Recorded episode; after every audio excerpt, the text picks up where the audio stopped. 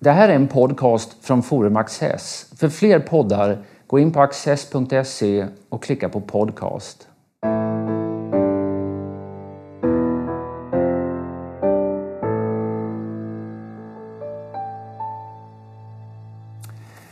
Välkomna till Studio Access. Idag ska vi prata om Storbritannien och om den folkomröstning om medlemskap i Europeiska unionen som hålls där den 23 juni. Det är ett val som spelar stor roll naturligtvis för britterna men även för det europeiska samarbetet och inte minst för Sverige som har haft Storbritannien som en viktig allierad i många europeiska frågor genom åren. Och för att diskutera detta har jag bjudit in en gäst. And that's Stephen Castle with the New York Times, uh, the London bureau of the New York Times, and eh, with a long experience of covering both British politics and, and European affairs. Very welcome. Thank you. Six weeks from now, there will be a referendum. Um, why? A very good question. Um, in a sense, this context at the moment, when we see the rising populism, anti establishment feeling, you see Donald Trump in the United States, uh, it's the background, it's the context. But in my view, actually, this isn't really the reason the Britons are having this referendum. Um, it's really about the Conservative Party. It's about the politics of the Conservative Party. Uh, when David Cameron uh, announced this referendum, it was back in January 2013. He made a big speech in the Bloomberg headquarters in, in London. And what you have to remember is that back at, uh, in those uh, months, his political fortunes were not particularly good. His Conservative Party was trailing the Labour Party up to nine points in the opinion poll. He was also losing votes to a um, populist, anti EU, uh, anti migration party, United Kingdom Independence Party, UKIP. Mm-hmm. And that was scaring a large number of his, uh, his own MPs, his own lawmakers in Parliament. The Conservatives have been very split on Europe for many years. But this was a moment in which his own lawmakers were extremely worried about their prospects of getting back into Parliament in a, in a coming general election. And David Cameron's strategy was a very simple one. Basically, what he wanted to do was keep his party united until the uh, general election, which was coming in 2015. And he also wanted to try and diminish the threat from UKIP. Mm-hmm. UKIP had been arguing for a referendum. This looked as if it would take the wind out of their sails. Uh, it looked as if it would unite his party up to the general election. Everybody could agree on a referendum, you wouldn't have to take sides. And indeed, that did work. The Conservative Party got through to the um, general election uh, without any split. It actually won that election with an overall majority. Not many people were expecting that, uh, very few, in fact. Probably not the Prime Minister, but he won that election. But now, uh, having been re elected, uh, he has to deliver on this referendum pledge, and that is um, splitting his Conservative Party probably more than it's ever been split on this issue. So, if there is a yes vote, if Britain is to remain in, in, uh, in the European Union, will things calm down within the Conservative Party? Within the Conservative Party, it's a very febrile situation. Uh, the Prime Minister in this referendum campaign has allowed cabinet ministers and other ministers to campaign on either side of, of the debate.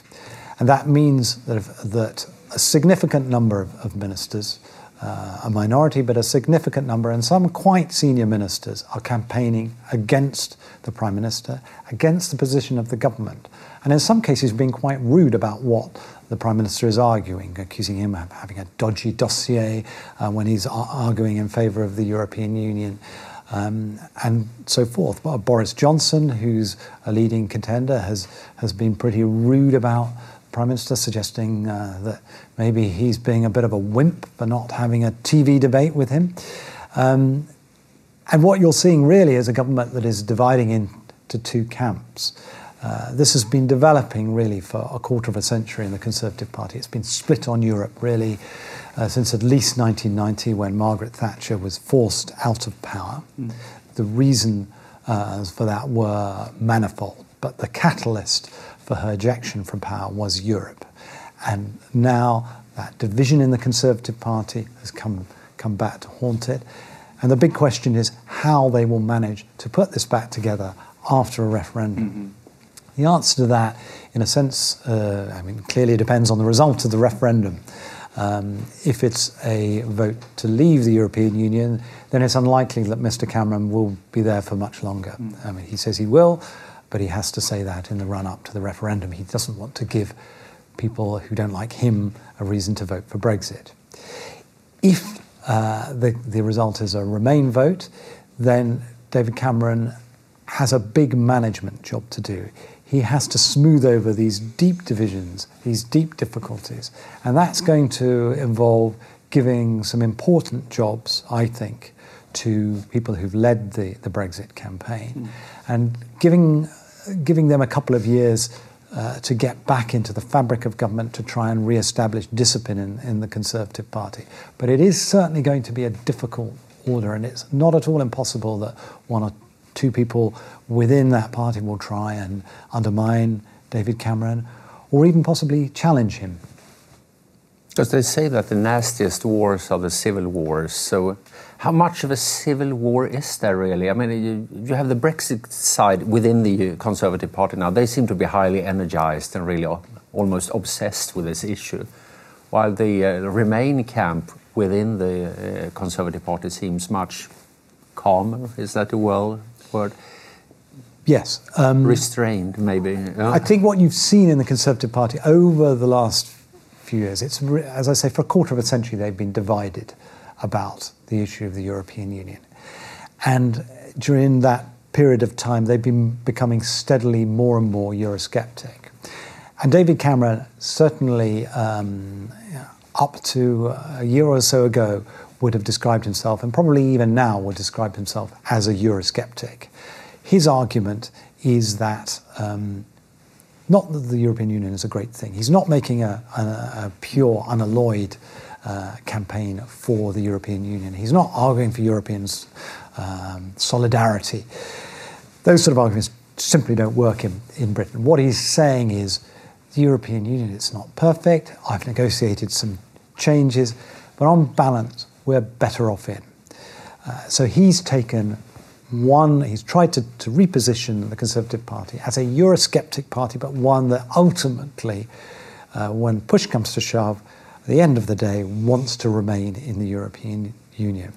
Uh, then there is a very vocal uh, minority that's actually uh, probably always believed that Britain should, should uh, quit the European Union. It's a much more ideological argument. Um, uh, Michael Gove, for example, who leads the campaign, has really always been a, um, uh, a person who would prefer Britain were outside, mainly on sovereignty grounds. I mean, he just doesn't think that democracy works very well at the European level. He thinks that politicians there are not accountable, and of course, he has one or two good points. Um, but that side of the of the Conservative Party has been arguing for its moment uh, to have the opportunity to get out of the Euro- European Union. I, I, think most of them probably never thought they would get this opportunity, and it is the one chance that they think in their political lifetime that they will have to achieve this uh, objective. And that, I think, is why the stakes are so high for them and why the internal fight is so bitter. Mm-hmm.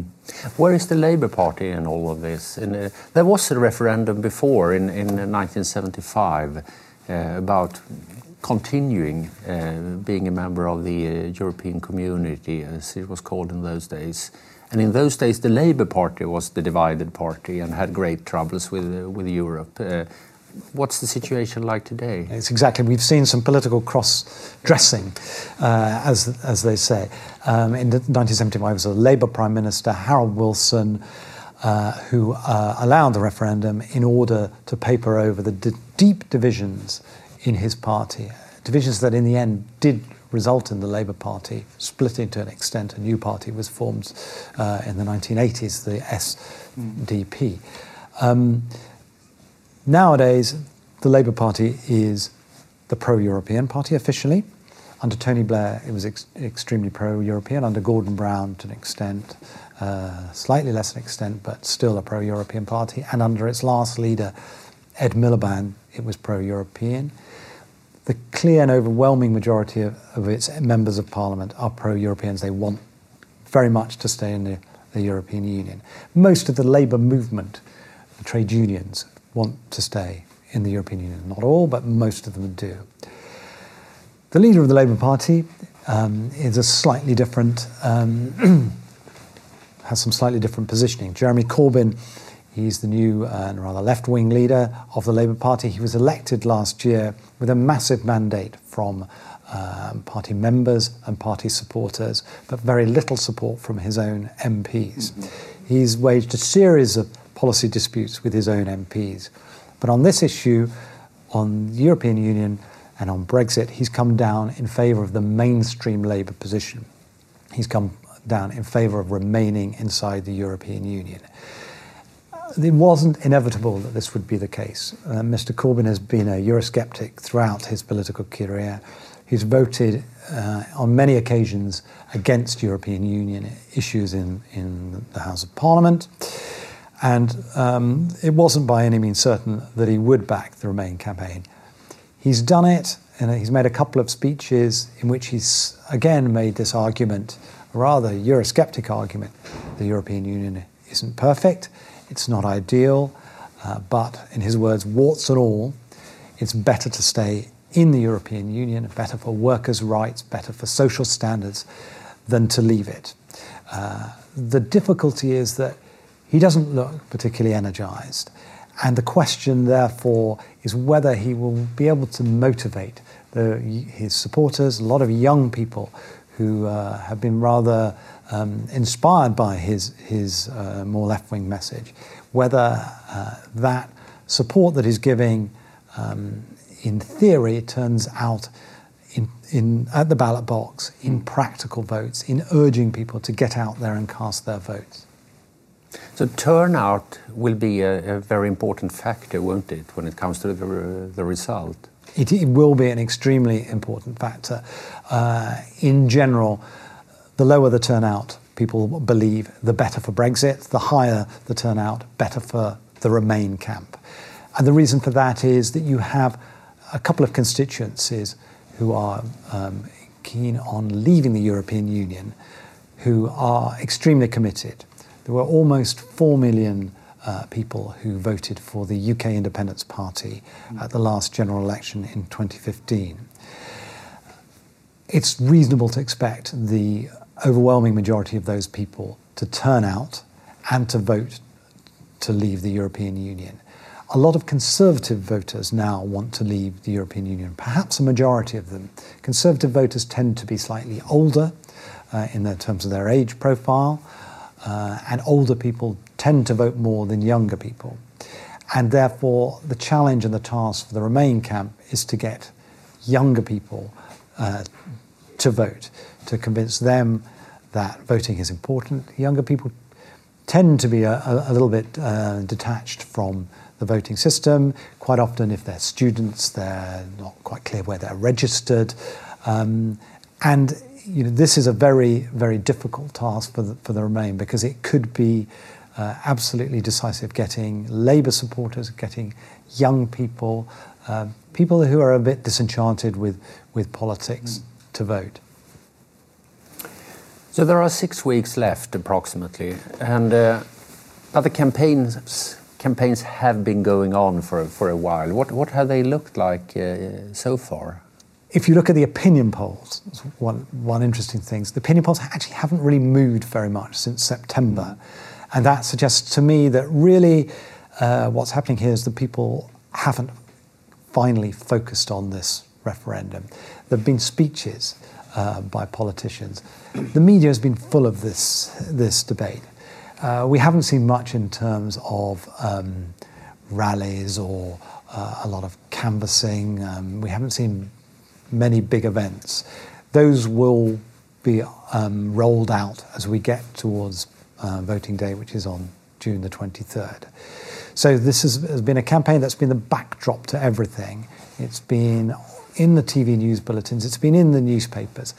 But my sense is that partly because the opinion polls aren't really showing a, a, a lot of movement, that people haven't focused on this. There have been a couple of moments. President Obama's trip to Britain, of course, technically this was nothing to do with the referendum campaign, but um, people were saying he may be asked questions at his press conference. Actually, Obama went out uh, and spoke completely unprompted about uh, the risks of Brexit, Brexit, made it very clear that he wanted Britain to remain in the European Union, made it extremely clear that Britain, if it left the European Union, would get a free trade deal with the US anytime soon. Mm. Uh, but I would expect that the campaign will lift off in the last uh, three or four weeks, perhaps before polling day, that there'll be uh, a lot more intense activity. There will, of course, be TV debates, uh, the usual uh, sorts of discussions. Uh, and I think at that point, voters will finally have to focus on really one of the biggest decisions that they will take in their political lifetimes. Would you have sort of a David Cameron and, uh, and Jeremy Corbyn sitting next next to each other as the yes team against the no team of uh, of Nigel Farage, the UKIP leader, or um, and some other uh, conservative politician like Gove or Boris Johnson, the ex-London mayor. This choreography is extremely interesting and extremely delicate. And one of the reasons for that is the experience uh, that we had in Britain of a referendum in Scotland in 2014 mm. uh, on Scottish independence. And what happened in that referendum was that the main British political parties joined together in one campaign uh, so the Conservative Party and the Labour Party and the Liberal Democrats, they, they joined together in a campaign against Scottish independence. And with hindsight, that was a bit of a disaster for them. The Labour Party uh, was then associated with the Conservatives, the, the Conservatives uh, in, in, government, and the Labour Party then went on to um, lose seats in the next general election. Their position in Scotland has has really collapsed. They're now the third largest party in the Scottish Parliament. Mm. And the lesson from that referendum was that when politicians join together, uh, this doesn't always have the impact on, on the voters that they're hoping. They tend to uh, associate them all as part of one big political establishment. And that gives uh, the other side, in this case, the Brexit side, the opportunity to paint the advocates of remaining as the, the, the political elite, as the political establishment. So the choreography of who is going to debate whom is being uh, worked out at the moment.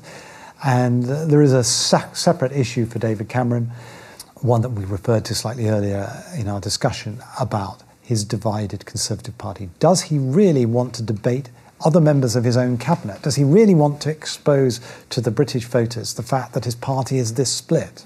And therefore, he has a preference, uh, perhaps, for debating Nigel Farage, the leader of UKIP. Uh, firstly, this would not expose conservative divisions. Secondly, Nigel Farage is a rather divisive figure in British politics. People either love him or they hate him. And therefore, um, these decisions are being uh, confronted now by the broadcasters. Negotiations are very difficult and very tough, and uh, actually, there have been quite a number of disputes between the broadcasters and the politicians on exactly who will debate whom.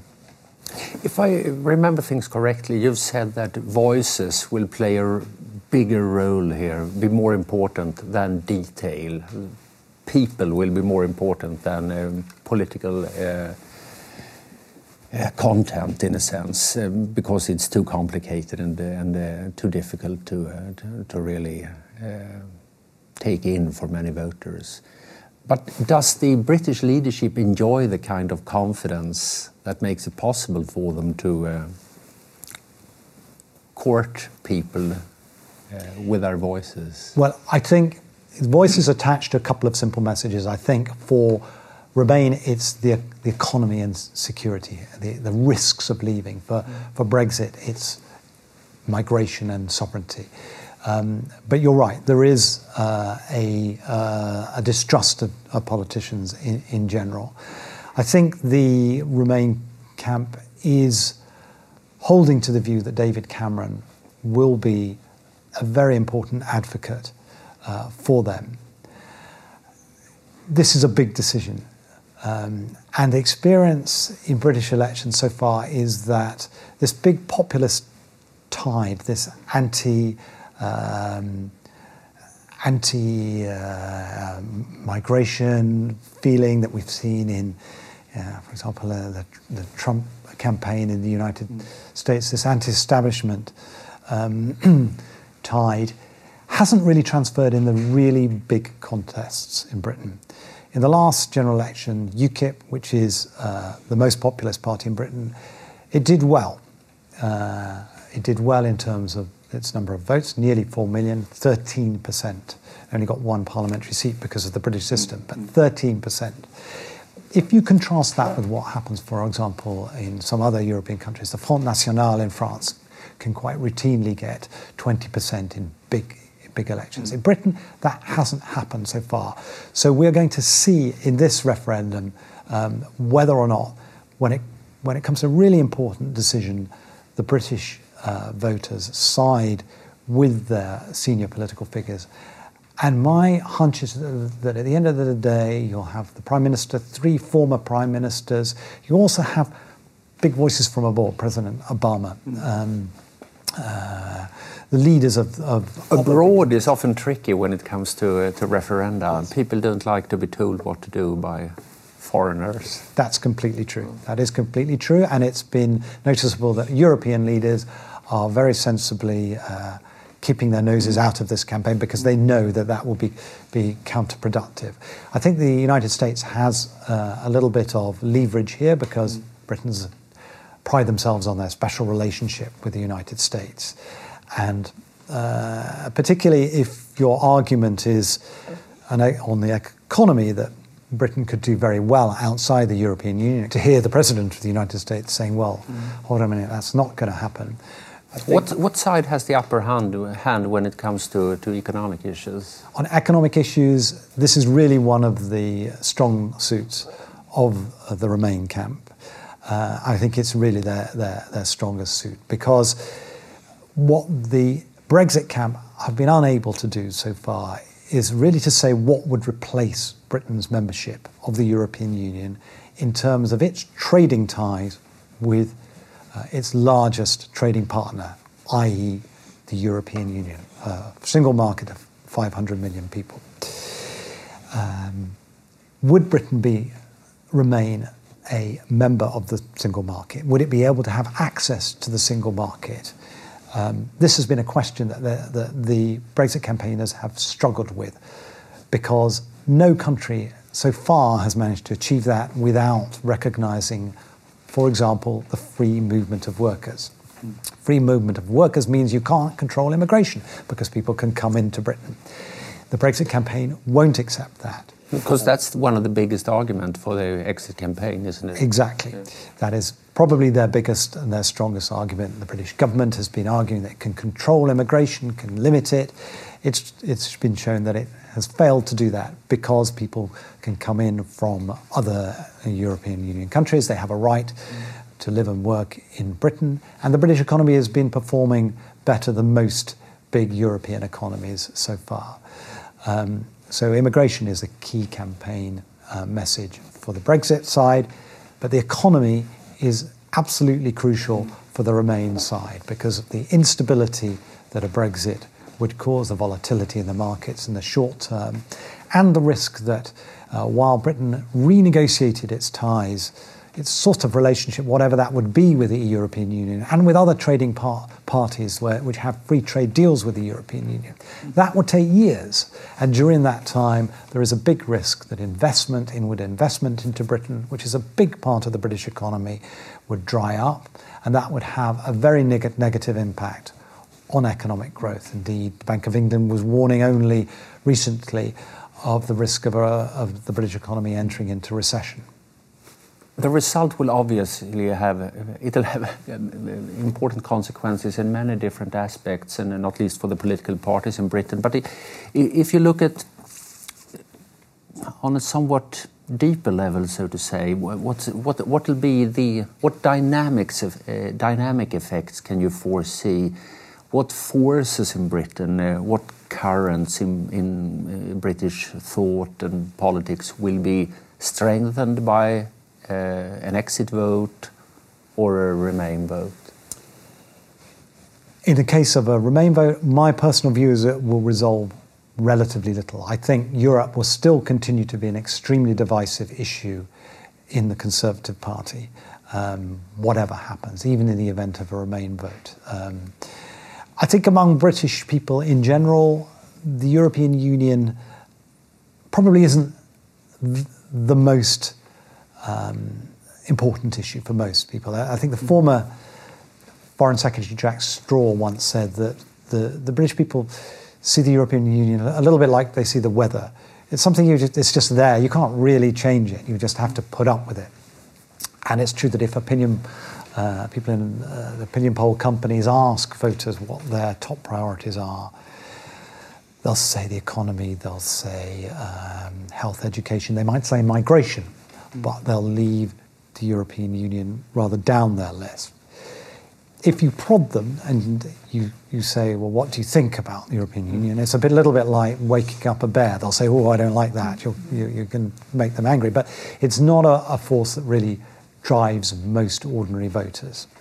Uh, so I think in the ev- event of a Remain vote, Britain will remain engaged in the European Union but as a very much a Eurosceptic mm. sort of uh, country, a very prag- have a very pragmatic approach. It'll continue its current policy. We will not see a, um, a grand new awakening of a European spirit in, in Britain. Uh, if it's uh, a Brexit vote, of course, there will be a, a huge change. Uh, we will likely to see uh, the Prime Minister uh, leaving office. I think it's difficult to see how he would stay on for that much longer. Of course, at the moment he's saying he would, uh, but um, I doubt really whether he would want to renegotiate uh, with the European par- partners uh, some sort of new arrangement between Britain and the European Union. It would be uh, a disastrous culmination of his time in office.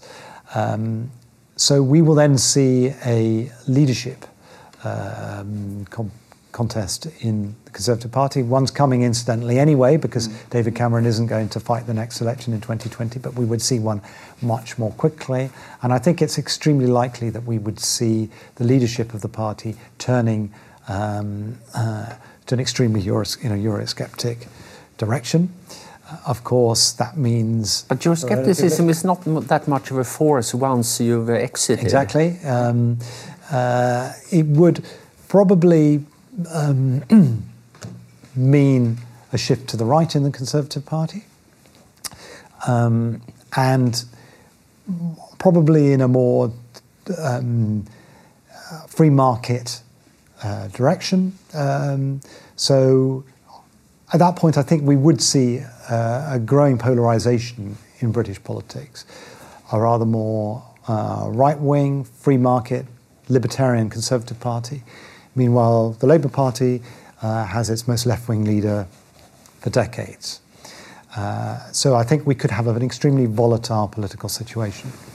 Time has flown, and I'm afraid I have to end by asking you to make the hopeless prediction. How will things turn out? Well, if I had to put money on this, I would say a vote for Remain, but I would also add that I haven't put any money on it. Uh, the odds are roughly 30, 35%, according to most of the bookmakers, the, the, um, the analysts in the bank. It's a one in three chance. That's what most people uh, believe. And that's not in, insignificant because we are um, a few weeks really away from this.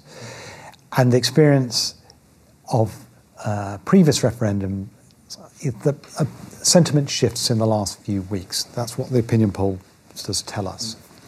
Usually, it shifts in the direction of safety.